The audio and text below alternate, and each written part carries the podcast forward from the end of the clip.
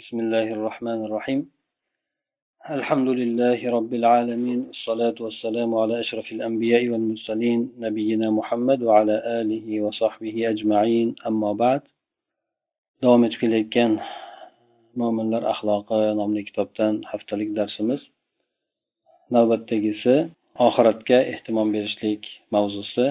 Inshaalloh shu to'g'risida gapirib o'tamiz. Inson qiladigan har bir amalini ho dunyoviy bo'lsin ho ibodatli bo'lsin hammasini oxiratga bog'lagan holatda qilishlikka harakat qilishlik. Bu narsani inson mana payg'ambar sallallohu alayhi vasallam hadislaridan birida aytib o'tdiki qaysi bir kimsa butun g'amlarini insonni g'amlari ko'p oila g'ami bor ish g'ami bor ko'cha hamma g'amlarda bir g'am qiladigan bo'lsa bu ham bo'lsa oxirat alloh taologa qaytishlik shu mas'uliyatidagi bir g'am qiladigan bo'lsa alloh taolo uni boshqa g'amlaridan o'zi kifoya qiladi o'zi yetarli bo'ladi dedi. Boshqa bir rivoyatida qaysi bir kimsa butun g'amlarini hammasini bitta g'am qilib oxirat g'ami qiladigan bo'lsa alloh taolo unga boyligini ko'zini oldiga qo'yib qo'yadi. Hamda rizqi unga ortidan agarchi xohlamagan taqdirda ham ortidan keladi degan mazmunda aytib o'tganlar. Demak biz e, g'amlarni bitta g'am qilishlik bu ham oxirat g'ami qilishlik mana shuni e, hozirroq gapirib o'tamiz. Hamda shuni to'g'ri tushunishlikka harakat qilamiz. Aytib o'tdikki insonni boshida g'amlar ko'p. Oilalik bo'ladigan bo'lsa farzand tarbiyasi farzandlarni rizqi bo'lsin yo shuni yo'lda harakat qilishlik o'zini ishlab borsa harakat qilishlik. Mana shu narsalar har bittasi alohida bittadan katta katta g'am bo'ladi. Bu narsalarni bir g'am ostiga jamlashlik. Ya'ni bu narsalardagi o'zini mas'uliyatini alloh taoloni huzuridagi mas'uliyatini his qilishlik. Mana shu narsalarni allohni huzurida o'zini mas'uliyatini his qilgan holatda qiladigan bo'lsa u odam o'sha g'amlarni hammasini bitta g'am qilgan bo'ladi. Ya'ni bu qilayotgan narsamni ortidan menga qan oxiratimda qanday ajr bor? Allohni huzurida nima deb javob beraman shu qilayotgan ishlarimga? Mana shu narsa g'ami ostida qiladigan bo'lsa bu odam demak bitta g'am qilgan bo'ladi bu ham oxirat g'ami qilgan bo'ladi. Alloh taolo qolgan g'amlaridan u odamga kifoya qiladi dedi. Demak hammasini to'plab bitta g'am qilib oldimi bu odam. Oxirat g'amini mas'uliyat olishlik allohni huzurida mas'uliyatini berishlik. Ana undan keyin insonda bu intilishlik bu niyat bo'lgandan keyin oxiratda allohni huzurida javob qanday javob beraman degan narsa bo'lgandan keyin alloh taolo boshqa amallarini o'shanga to'g'irlab qo'yadi. Ya'ni bu qilayotgan ishlarini alloh taolo birinchidan barakatli qilib beradi. Ikkinchidan o'sha narsalarda qoqilishligidan alloh taolo insonni to'sib qoladi. Mana shu demak alloh taoloni boshqa insonni g'amlaridan kifoya qilishligi. Bu odam asosan dunyo g'ami garchi kelib turgan taqdirda ham oxirat g'amini muqaddam qilib qo'yadi. Mo'min odam xosatan e, sal dindor bo'lgan yoki bir diniy da'vat bilan shug'ullanadigan odam ko'p g'am bilan yashaydi. Sababi bu odamni g'ami faqat o'zi uchun o'zida paydo bo'lgan g'amlar emas balki boshqalarni g'amini ham ko'tarib yashaydi. Shundan demak bu odamni qalbi har xil maqsadlar kirib qolganligidan qalbi bunday bo'linadi. Ha bunga alohida vaqt ajratib bunga vaqt ajratib alohida qalbini ham unga bunga mashg'ul qilib bunga mashg'ul qilib mana shunday bo'lgan paytda hamda asosiy ishlarini ko'proq dunyo ishlariga dunyo ehtimomotlariga mashg'ul qilgan paytida bu odamni bu aytaylik dindor ibodatdagi hamda jindek boshqalardan ortiqroq bo'lgan suratda bir da'vat bilan shug'ullanishligidagi xususiyati bu odamda yo'qolib qoladi. U odam ham boshqa odamlar kabi xuddi boshqa boringki mo'min odamlarni kabi ibodatdagi bo'lgan odamlarni kabi alohida ulardan ajralib turadigan xususiyatdan mahrum bo'ldi. Bu da'vat bilan mashg'ul bo'lishlik ko'proq dinni g'amini qilishlik shunaqa xususiyatdan bu odam ham mahrum bo'lib qoladi. Qachoniki? G'amlari ko'payib ketib u odamni hamma tomondan o'ziga tortadigan bo'lsa mana shunday bo'lgan paytda inson asosiy g'ami qilib oxirat qilib olishligi maqsadga muvofiq bo'ladi. Nima uchun inson oxiratda g'am qilish kerak? Oxiratda g'am qilishlik arziydimi yoki bo'lmasa nima uchun dunyoda inson g'am qilib bo'lmaydi? Asosiy g'ami qilib maqsad qilib bo'lmaydi. Sababi shuki alloh taolo dunyo ishini shunday bir arzimas holatda qo'yganki arzimas bo'lganligidan hech qaysi bir kimsa unda abadiy bo'lmaydi. Alloh taolo uni bir vaqtinchalik qildi. Kimdir bir yil yashaydi yoshligida o'lib ketadi. Kimdir o'n yil kimdir borganda yuziga kiradi. Agar u narsani ehtimomi katta bo'lganda alloh taolo ham e'tiborni katta qilgan bo'lardi. Odamlarga katta katta bir umr berib katta bir narsalarni yuklagan bo'lardi. Shundan mana bir hadisda keladiki alloh taoloni zimmasida lozim bo'lgan narsa shuki qaysi bir narsani dunyo ishidan qaysi bir narsani ko'tarsa albatta uni tushiradi pastga tushiradi. Bir narsa zo'rdan zo'r chiqaradi degani bir zo'r chiqqan bo'lsa bir kun kelib turib baribir u narsa pasayadi. Dunyo ishidan qaysi bir narsani alloh taolo ko'targan bo'lsa albatta pasaytiradi. Buni sababi aytilishligi hadis sababi allohu alam payg'ambar sallallohu alayhi vasallamni bir tuyasi bo'ladi. Bu tuya nihoyatda chopqir tuya bo'ladi. Ya'ni musobaqalarda boshqalar qilganda o'zib ketadigan darajada bo'ladi. Bir kuni shu bir arobiy odam keladi shuni tuyasi o'zib ketib qoladi payg'ambar alayhisalom tuyasidan. Bu narsani kuzatib turgan sahobalarga og'ir keladi. Ya'ni payg'ambarni tuyasidan o'zib ketdi. Keyin payg'ambar alayhisalom shunday aytadi. Dunyo ishidan qaysi bir narsa yuqoriga ko'tarilgan bo'lsa alloh taolo albatta bir kun kelib turib uni pastga tushirib qo'yadi. Ya'ni mana shu narsa ham dunyo ishini unaqangi e'tiborlik emasligini juda katta bir maqsad qilib olmaslik kerakligini anglatadi endi. Bu dunyo hayoti shu narsadan iboratki alloh taolo odamlarni o'rtasida aylantirib turadigan holat. Bir kun boy bir kun kambag'al. Kambag'al bo'lgan odam bir kun boy bo'lib qoladi. Boy bo'lgan odam bir kun alloh taolo kambag'al qilib qo'yishi mumkin. Alloh taolo bir qavmlarni bir kun ko'taradi bir kun ularni pastga tushiradi. Bir qavmlarni aziz qiladi bir muddatdan keyin ularni xor qilishi mumkin. Bu narsada alloh taoloni bandalarni imtihon qilishligi hikmati shunda ravshan bo'ladi. Hammani bir xil suratda qilmaydi bir kimsaga bergan narsani unga yopishtirib bermaydi. Ho din bo'lsin ho dunyoviy narsa bo'lsin. Alloh taolo dunyoni mo'min odamga ham kofir odamga ham beradi. Lekin dinni faqatgina o'zi yaxshi ko'rgan odamgagina beradi xolos. Dunyoda alloh taolo arzimas bo'lganligidan shuning uchun hadis sharifda keladi agar dunyo alloh taoloni huzurida pashshani ya'ni bizda kichkina oq pashsha deb qo'yadiku oq pashshani qanotichalik vaznga ega bo'lgan deydi. Ya'ni qanoti giram ham chiqmasa kerak. Shunchalik ega bo'lgan deydi alloh taolo kofir odamga bir qultum suv bermagan bo'lardi dunyoda. Chunki u unga haqli bo'lmasdi bir qultum suv bermagan bo'lardi. Shundan demak alloh taolo kofirgami mo'mingami dunyoni beraveradi lekin dinni faqatgina o'zi tanlagan yaxshi ko'rgan odamgagina beradi. Payg'ambar sallallohu alayhi vasallam sahobalarni qalbini dunyoga bog'lamasdan yashashlikka shunga o'rgatgan edi.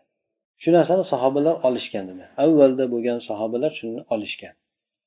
Buni misollaridan mana sahobalarni tarixlarini qaraydigan bo'lsak salmon forsiy bo'lsin hattoki bu kishini aytadiku uyini tursa bosh tegib qolardi oyog'ini tursa e, shunaqa kichkina bo'lgan. Bu yo'q bo'lganligidan emas puli yo'q bo'lganligidan boshqadan emas. Ya'ni dunyo keladigan bo'lsa bularni qo'lida turmasdi berib tarqatib yuborardi berib yuborardi o'zida hech narsani olib qolmasdi. Ya'ni o'sha dunyoga kirib aralashib qolmaslik masalan. Lekin bular davlatni boshqargan salmon forsiy masalan fors diyorida keyin katta hukmronlik vazifasini ham bajargan u kishi.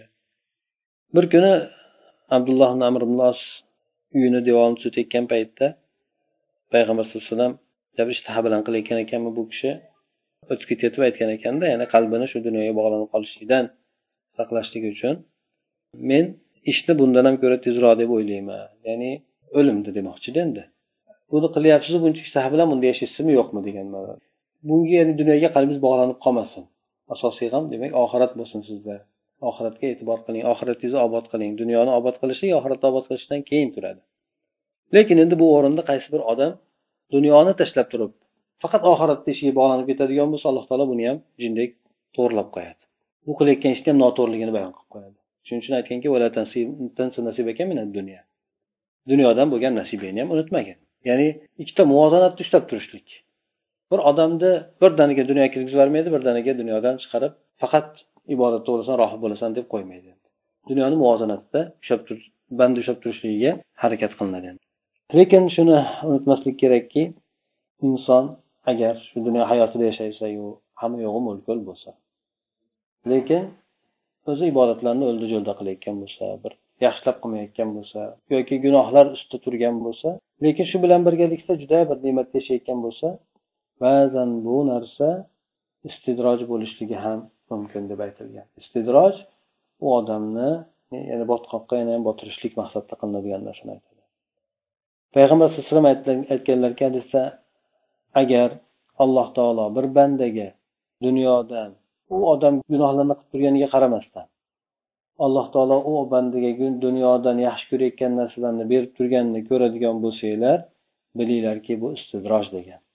Istidroj u odamni botqoqqa botirishlik.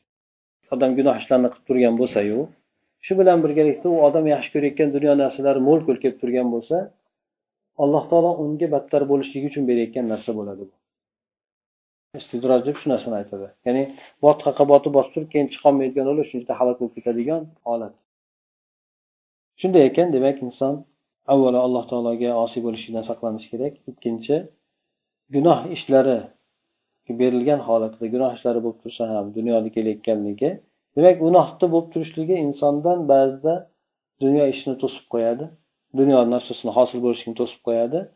Bu narsada bir boshqa bir hadisda keladiki banda qilgan gunohi sababli rizqdan mahrum bo'lib qoladi. Qilgan gunoh sababli rizqdan mahrum bo'lib qoladi. Bu narsa yaxshiroq bo'ladi. Alloh taolo gunohini ustiga berib turganligidan ko'ra mahrum bo'lib qolishligi agar berib turgan bo'lsa bu banda ko'proq e'tiborsiz qoladida mana aytaylik rizqdan mahrum bo'lib qolsa darrov allohga qaytadi ahli kiradi allohga tavba qiladi. Agar gunoh ishlar qilib tursa yana ustiga kelib turaveradigan bo'lsa ko'proq inson bee'tibor bo'ladi shu bilan halok bo'lib ketib qoladi. Shuning uchun inson dunyodan qo'ldan boy berib qo'ygan narsasiga g'amginlik qilmasin hamda odamlarni qo'lida turgan narsalarga ko'zini ham cho'zmasin. Buni qur'onda ko'p alloh taolo qattiq qaytarib aytadi. Odamlarni qo'lida turgan narsaga ko'zingizni cho'zmang. Ya'ni ta'magirlik qilib yoki bo'lmasa dunyoviy bo'lgan narsalar shuning uchun mana payg'ambar alayhisalom hadislarda keladi. Bir kuni u kishini oldida zikr qilinganida rum bilan forsni juda bir maishatda yashashligi zikr qilingan. Shunda payg'ambar alayhissalom sahobalarni qalblarini xotirjam qilgan holatda aytganlarki bu odamlarga shu yaxshi bo'lgan narsalari dunyo hayotida tezlashtirib berilgan xolos bularga. Mana shu odamlar shu dunyoni o'zida berilgan xolos. Alloh taolo adolatli insofli bo'lgan narsa. Dunyoda inson harakatiga yarasha beraveradi alloh taolo. Kim maqsad qilgan bo'lsa xohlasa beraveradi.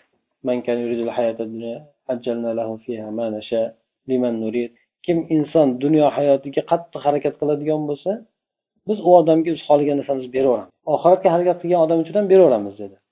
Lekin faqat dunyo uchun harakat qilgan odamlarda bu narsalarda bu kengchilik qulayliklarni bo'lishligi albatta bu odamlarni shu dunyo hayotida ne'matlari tezlashtirib berilganligini alomati bo'ladi.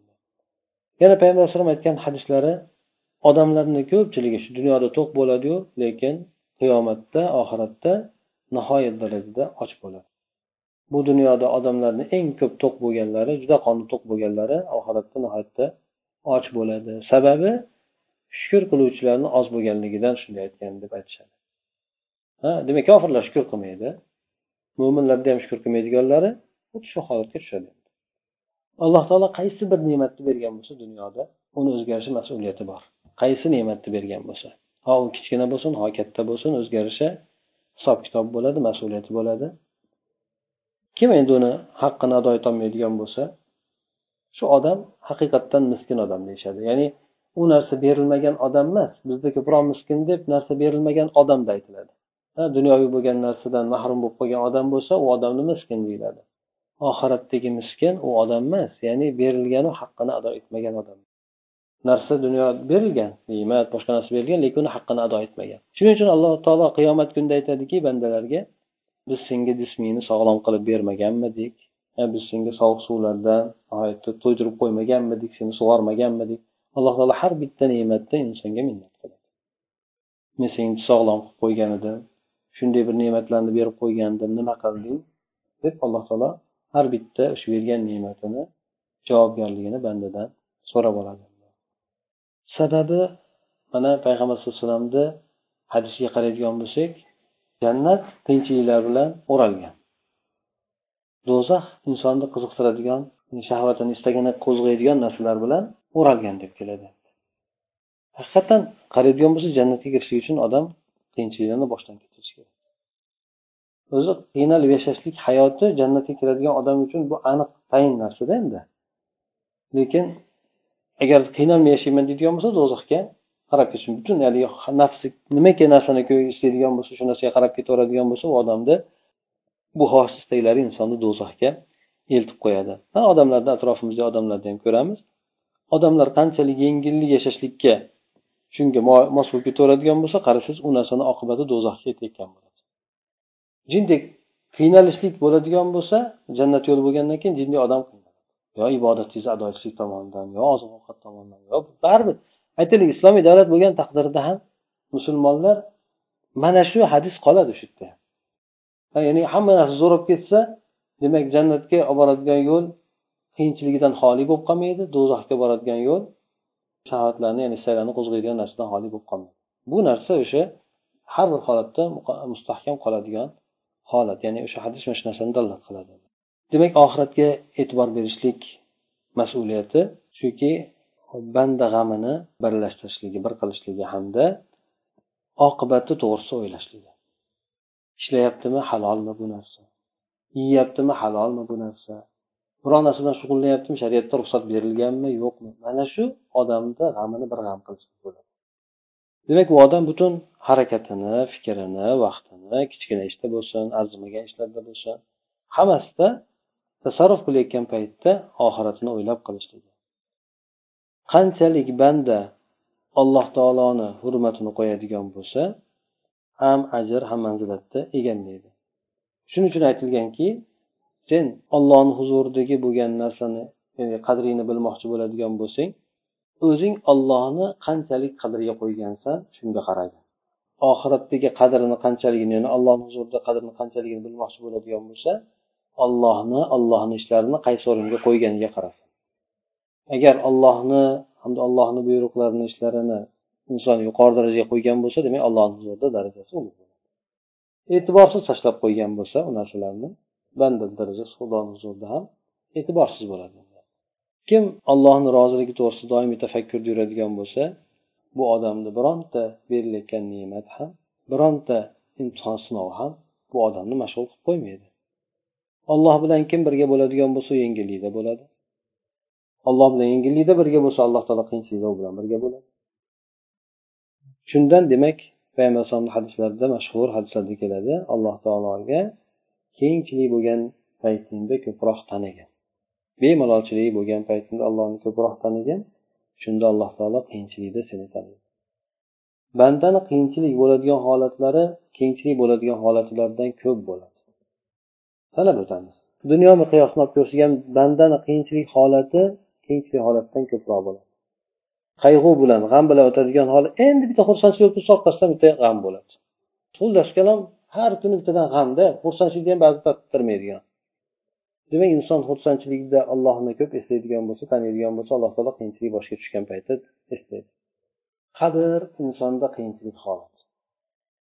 Qabr insonda qiyin holat. Oxirat undan ham ko'ra qiyin holat insonda.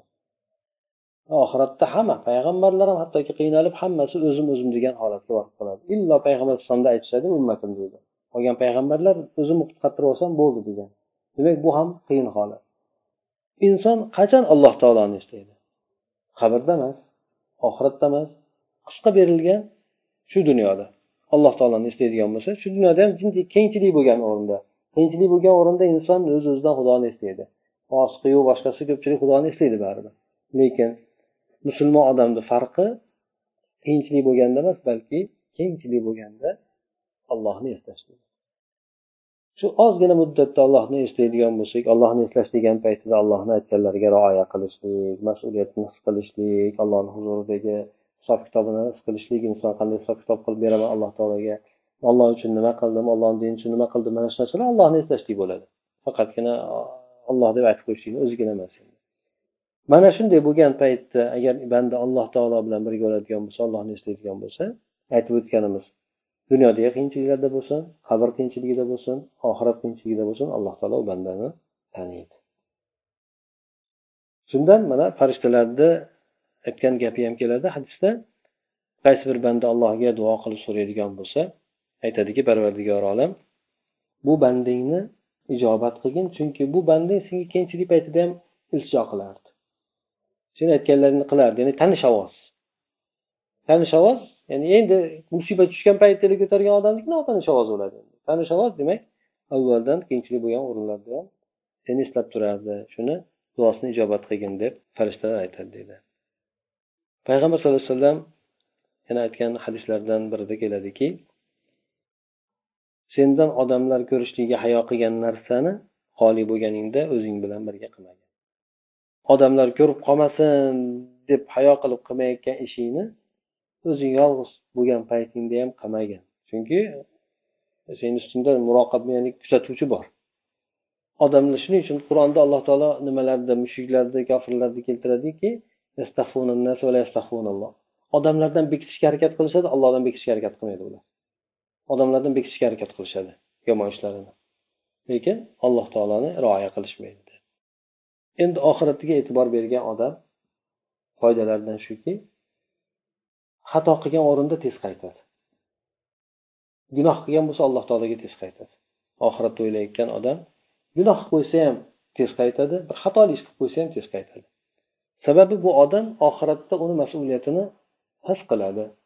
Hozir gunohda allohni huzurida javob berishligini o'ylaydi. Shundan darrov oxiratda bunaqa azob bor deydida darrovda gunoh qilgan gunohidan tiyilishlikka harakat qiladi. Shuning uchun payg'ambar alayhissalom aytganlar hadislarda agar sizlar alloh taoloni eslattiriladigan bo'lsanglar alloh taolo sizlarga eslatilsa bir nojo'ya ish qilayotgan bo'lsanglar darrov tiyilinglar.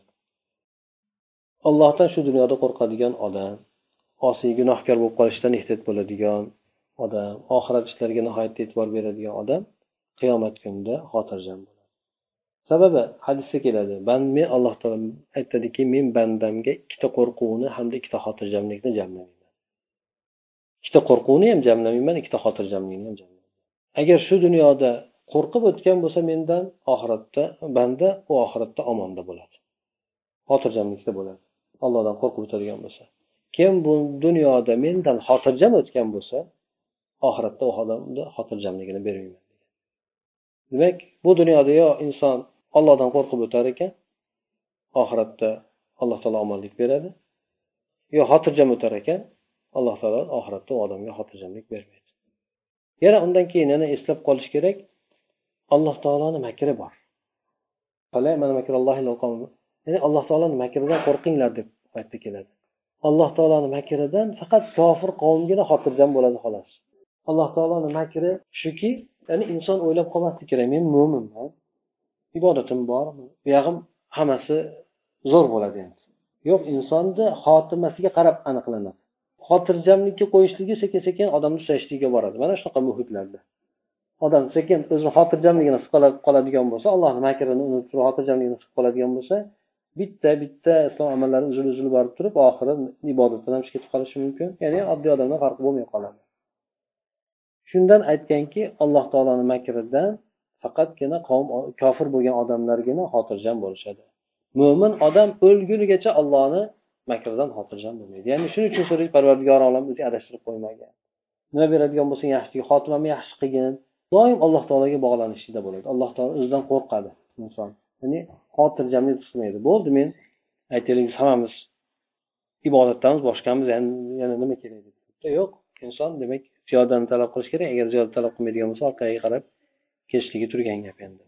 Lekin oldinga intilayotgan odamlarni alloh taolo hidoyatini ziyoda qilib beraveradi abdulloh muborakni gaplarida kelar ekan.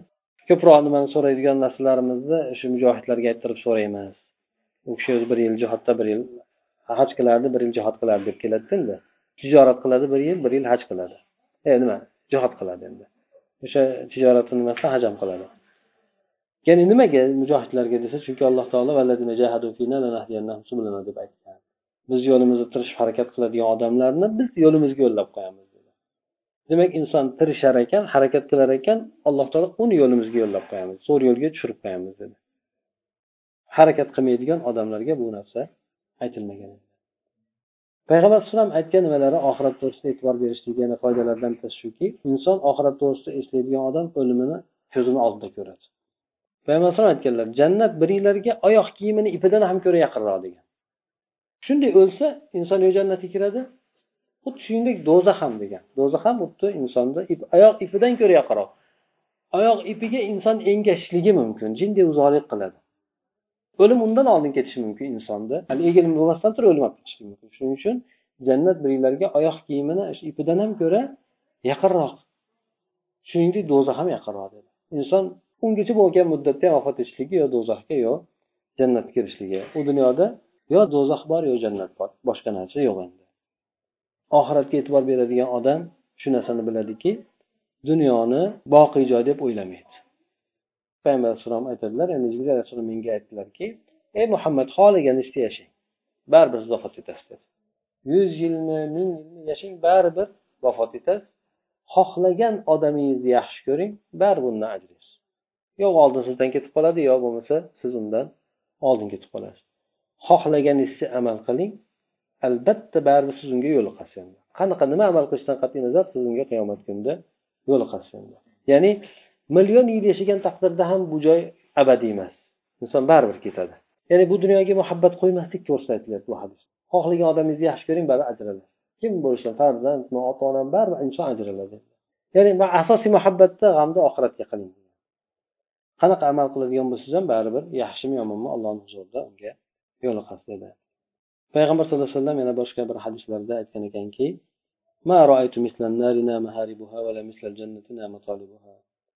ya'ni men bir do'zaxga o'xshagan narsani ko'rmadimki undan qochayotgan odam uxlab yotgan bo'lsa. Ya'ni o't bor o't yonib kelyapti undan qochish kerak bo'lgan odam uxlab yotgan bo'lsa. Uxlab yotsa bilib turib yoki bo'lmasa jannatdek bo'lgan joy borki uni talab qiladigan odam ham uxlab yotgan bo'lsa demak o't yonib kelyapti uni bilgan odam uxlab yotibdi. Nima qilmaydi demaydi degan degan. Shuningdek jannatdek bo'lgan ne'mat bor uni talab qiladigan odam ham beparvo yursa odamlar agar jinday bir oshchi bir manfaati bor bo'lgan narsani aytsangiz kechasi bilan uyquga surib faqat o'shanga intiladi. Ozgina bo'lgan narsani. Shunda men ajablanamanki shunday jannat tursayu uni talab qiladigan odam beparvo yursa shunday do'zax turib o't kelayotgan bo'lsayu undan qochish kerak bo'lgan odam beparvo yurgan bo'lsa shunga ajablanaman deb aytgan ekanlar yana oxirat ishiga e'tibor beradigan odamlarni holatlardan shuki dunyoda e, musofatdek bo'lgin deb aytgan hadislar. G'arib odam ma'lum ya'ni bir joyga kelganda o'zini hojatini o'tab ketadigan odam g'arib odam bo'ladi u yerda muqim odam bor doimiy yashaydigan odam g'arib odam bor turist turist g'arib odam hisoblanadi. Keladi besh o'n kun dam oladi qiladigan ishini qiladi ketadi. Yoki bir ish bilan bir joyga borgan odam ham o'sha yerda g'arib hisoblanadi. Ya'ni begona odam. U shahar ahli emas shaharga begona bo'lgan odam. Kelib ketadigan odam aytiladi. Shu odam kabi bo'lgin sababi nimaga? Sababi muqim turgan odamni uyida hamma narsasi bo'ladi. Sharoitini yaxshi qiladi hamma e'tibor beradi endi. G'arib bo'lgan odam nima qiladi? Bir qator kiyim oladi olsa eng kerakli bo'lgan narsasini oladi shu bilan borib xizmatni o'tab keladi. Ya'ni dunyoda shu odam kabi ya'ni hojatingdan tashqarisiga intilmagin degan. Ehtiyojingga yarasha olgin hojatingdan tashqarisini olmagin. Yoki obiri sabil obiri sabil kelayotgan o'zga tekkan odam. O'zga tekkan odam kerak bo'lgan narsasini oladi ketaveradi. Bunday aytganda yo'l lekin buni muqobilda u kishi aytganlarki agar sizlar men bilgan narsani bilganinglar dedi oz kulgan ko'p yig'lagan bo'lardinglar sababi do'zax ahllari juda ko'pchilikni tashkil qiladi. Buni hadisda ham keladiku odam alayhissalomni alloh taolo qiyomat kunida chaqirib turib ajratgan do'zaxga ketadiganlarni jannatga ketadiganlarni qanchadan qancha deganda mingtadan bitta degan. Mingtadan bittasi jannatga qolgani do'zaxga. Bu narsa ham sahobalarga og'ir kelgan. Shunda payg'ambar alayhisalom aytgan sizlar hozirgi paytda dunyoni olib ko'radigan bo'lsak katta bir ho'kiz deb olib ko'radigan bo'lsak bir kichkina qora dog'i o'shancha misoldasizlar ya'ni kichkina joydagi dog'chalik sizlar qolgan hammasi butun kufr egallab olgan. Juda ozchiliklar deb aytganligi ya'ni bitta mingtadan bitta odam kirishligiga ya'ni sizlar kirmay qolmaysizlar degan mazmunda aytgan. Yana boshqa bir hadislarda aytadi alloh taolo sizlarni ikkita ummat bilan ko'paytirib qo'ygan adadinglarni yajuj majuj bilan degan. Menga shunday bo'lgan taqdirda ham kamdan kamdan kami demak jannatga kiradi. Aksar odam do'zaxga kiradi. Mana dunyo miqyosida ham hozirgi kunda olib ko'radigan bo'lsak ham musulmonlar to'rtdan biri bo'lsa musulmonlar to'rtdan birda biri endi. Musulmonlarni ichidagi bo'lgan musulmonlar qanchani tashkil qiladi? Chunki ota onasi musulmon bo'lgan odamlar hisoblangan xolos. O'zi umuman dindan butunlay tashlagan odamlar bor. Bular ham bari ota onasi musulmon bo'lgani uchun musulmon hisoblanadi. Buni ichida musulmonlari qancha endi? Musulmonlarni ichida ibodatdagilari qancha? Ibodatdagilarni ichida ibodat qabul bo'layotganlari qancha endi? Juda ozchilik ozchilik mana shu ozchilik jannatga kiradi xolos. Qolgan hammasi do'zaxga olib ketadi. Do'zaxdagi azob bu dunyo azobidaqa emas. Inson hamma tomondan o'rab turadigan o'tni ichida bo'ladi yemak ichmagi hamma bitta yerda turgan taqdirda ham. Azoblaydi lekin suvingizni beradi. Suv ichasiz taomingizni beradi yeysiz. Do'zaxda azoblaydi ichadigan narsangiz ham azob yeydiganingiz ham azob. Ko'radiganingiz ham azob. Ya'ni butun azobni ichida bo'ladi endi odam. Bu azob keyin keyin yigirma to'rt soat yengillatilmaydi qamoqni yengillatishi mumkin hushdan ketib qolsa odam qutulishi mumkin o'lsa qutulishi mumkin. Do'zaxda odam o'lmaydi. Terisi ham o'lmaydi terisi o'lsa yangi teri kiygizamiz degan. Boyagi azobni qattiqroq totishligi uchun. Inson terisi o'lib qolsa kuyibmi boshqa yangitdan qayta teri kiydiriladi. U teri kiydirishlik ham o'zi azob bo'lib kiydiriladi shuning uchun hasan basriyni aytgan gaplari bor. Bir kunda yetmish yetmish marta kuyib ketaveradi yana yo'q yana almashtirilaveradi kuyib ketaveradi yana almashtirilaveradi insonga mana shunday bo'lgan narsani demak inson payg'ambar alayhissalomga bildirilgan bu narsalar shuning uchun oz kulardinglar ko'p yig'lardinglar dunyoda ko'p rohatlanib yotmagan bo'lardinglar payg'ambar alayhissalom yana bir hadislarda aytadiki kim qo'rqsa kechasida yuradi. Qo'rqqan odam kechasida yo'lga chiqadi. Kechasida yo'lga chiqqan odam manziliga yetib boradi. Kunduz kuni qaroqchilar bor ya'ni odam ko'zga tashlanadi. Shuning uchun qo'rqqan odam kechasida saharga yaqin yo'lga chiqadida hamma uxlayotgan. Shuning uchun o'zimizda ham bor товарищ ko'proq bo'ladigan bo'lsa bir saharga yaqin yo'lga chiqadi. Sahar paytida hammasi gandiraylab turgan payt bo'ladi ya'ni o'tib ketamiz deydi. Adlaja deb ya'ni kechadan bir qismni aytadi. Kechani bir qismida safarga chiqadi shu bilan odam manziliga yetib oladi. Qo'rqqan odam ozgina ozgina bo'lsa ham amal qiladi. Bilinglarki alloh taoloni qo'ygan tovari qimmatbaho. U ham bo'lsa alloh taoloni qo'ygan tovari jannat deb aytiladi. Safar uzoq bo'lgan odam uzoq safar taraddudini ko'radi. Ya'ni uzoqni ko'zlab yuradi endi yuradigan odam. Himmati zaif bo'ladigan bo'lsa bu odam demak maqsadiga yetolmaydi shuning uchun himmatini balandroq qilish kerak bo'ladi. Himmatini demak oxirat qilib balandroq qilish kerak bo'ladi. Boshida aytib o'tgan hadisimizni to'liq suratda keladiki kim g'amlarini bitta g'am qilib oxirat g'ami qiladigan bo'lsa qiyomat g'ami qiladigan bo'lsa ya'ni o'sha yerda turib mas'uliyatni berishlik g'ami qiladigan bo'lsa alloh taolo u bandani boshqa g'amlardan o'zi kifoya qiladi. Qaysi bir bandani g'amlar dunyo holatlaridan bo'lgan g'amlar tortib ketaveradigan bo'lsa alloh taolo u qaysi vodiyda halok bo'lganligiga parvo qilmaydi. Oxirat g'ami qilmasdan boshqa g'amlarni hal qiladigan bo'lsa alloh taolo inson qaysi vodiyda halok bo'lganligiga e'tibor buni mazmuni shuki g'amni bitta g'am qilishlik to'g'risida aytib o'tdik. Demak hamma narsasida alloh taoloni eslashligi allohni huzuridagi mas'uliyatni eslashligi hisob kitobini eslashligi. Endi inson boshqa g'amlarida ollohni eslamasdan oxiratni eslamasdan hisob kitobini eslamasdan ishlariga mashg'ul bo'ladigan bo'lsa parvo qilmaydigan bo'lsa javobgarligini ham halol haromini ham boshqa savob gunohligini ham alloh taolo ham u bandaga qaysi vodiyda halok bo'lganligiga parvo qilmaydi rahmat nazari qaramaydi xatolarni o'nglab qo'ymaydi gunohlarni kechirmaydi qalbini yaxshilikka yo'llab qo'ymaydi. Ya'ni uni uni ham alloh taolo tashlab qo'yadi. Boshqa bir hadisda keladiki oxirat qaysi bir bandani g'ami bo'ladigan bo'lsa qo'li dunyo ishida lekin g'ami oxirat bo'lishi kerak. Mana shunday bo'lgan odamni qalbida alloh taolo boyligini qilib qo'yadi. Qalbida boylik qilib qo'yadi. Qalbini boy qilib qo'yadi qanoatli qilib qo'yadi. Hamda uni xotirlarini jamlab beradi. Fikr g'amlarini alloh taolo jamlab beradi. Parishon xotira bo'lib qolmaydi. Dunyo unga o'zi dunyo majbur keladi. Olloh dunyoga yozgan o'sha bandani rizqi bo'lishligini u bandani rizqi bo'lib albatta dunyo ham keladi.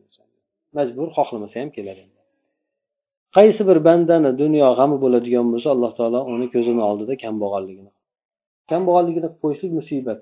Topaveradi yetmayapti deb topaveradi ya'ni orqasidan yuguraveradi yuguraveradi shunday o'lib ketadi. Million topsa yana bitta million topay deydi yana bitta topsa yana bitta topay deydi go'yoki yetmay qolayotgandek xotirjamligini yo'qotadi. Hamda alloh taolo unga birligini bo'lib tashlaydi. Xotirjamligini bu odam yo'qotadi. Dunyodan endi unga taqdir qilingani keladi oshiqchasi kelmaydi baribir. Qancha bitilgan bo'lsa shu narsa keladi demak oxirat tijorati zarar qilmaydigan zararga kirmaydigan tijorat dunyoga tashlanishlik esa insonni taqdirini o'zgartirib bermaydi. Yani ming harakat qilgan taqdirda ham dunyodan o'ziga yarashasini oladi lekin oxirat tijorati inson foydalanadigan bo'lsa insonni zarar qilmaydi. Faqat foyda qiladi. Dunyo ishlari borasida alloh taoloni qonuni shu ekanki bandalarni bir ko'tarib tushirib turishligi. Hammaga aloqador. Musulmonligayu boshqasiga.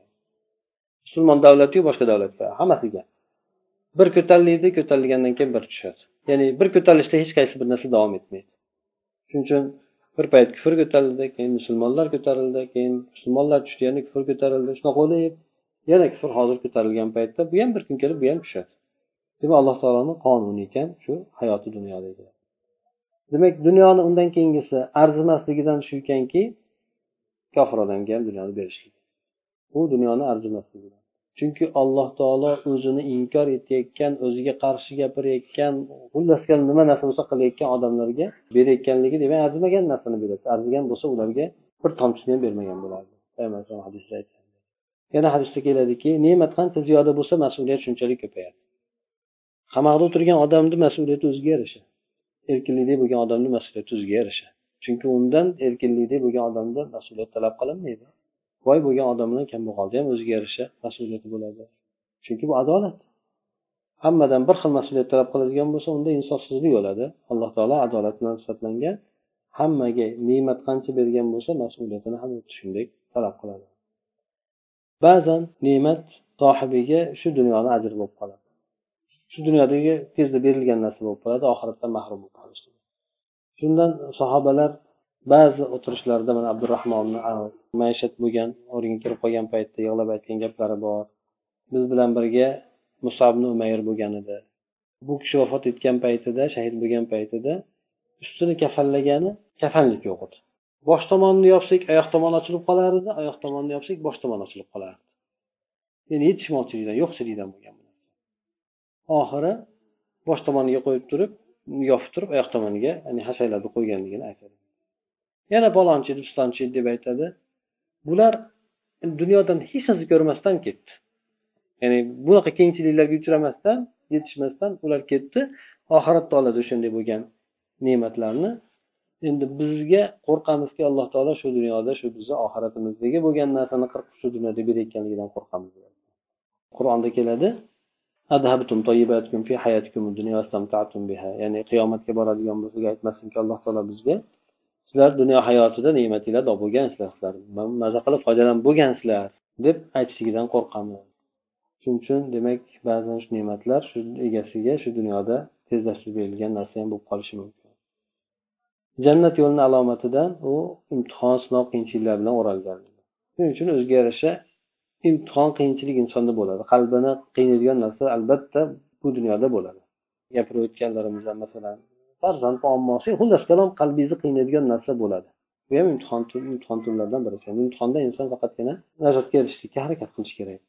Oxiratga e'tibor bergan odam alloh taoloni qiyinchilikda ham kengchilikda ham taniydi. Qiyinchilikni taniganligi o'z o'zidan qiyinchiligini taniydi.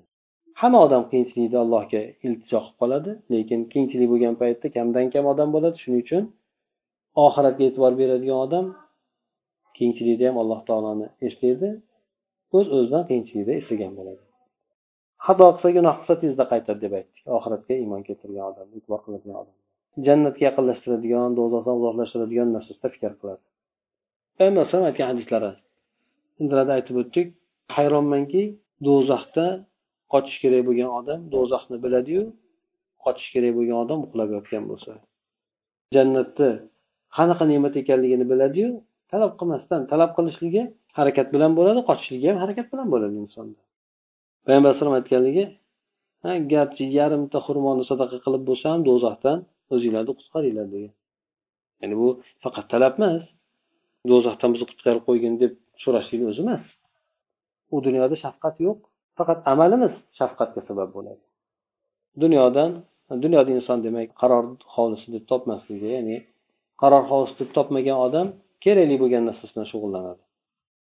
Dunyodan inson sal yengilroq olib zohidroq bo'lishligi hamda alloh taolodan qo'rquvini qattiq bo'lishligi insonni g'amini bitta g'am qilib olishlik bu ham bo'lsa oxirat g'am qilishligi shundan insonni qalbida qanoat yoki boylik degan narsa kelib chiqadi. Bir biriga hammasi bog'lagan oxirat g'ami qilgan odam dunyoni o'zini o'rnida ko'radi. Dunyoni o'zini o'rnida ko'rgan odamga alloh taolo qalbiga qanoat beradi.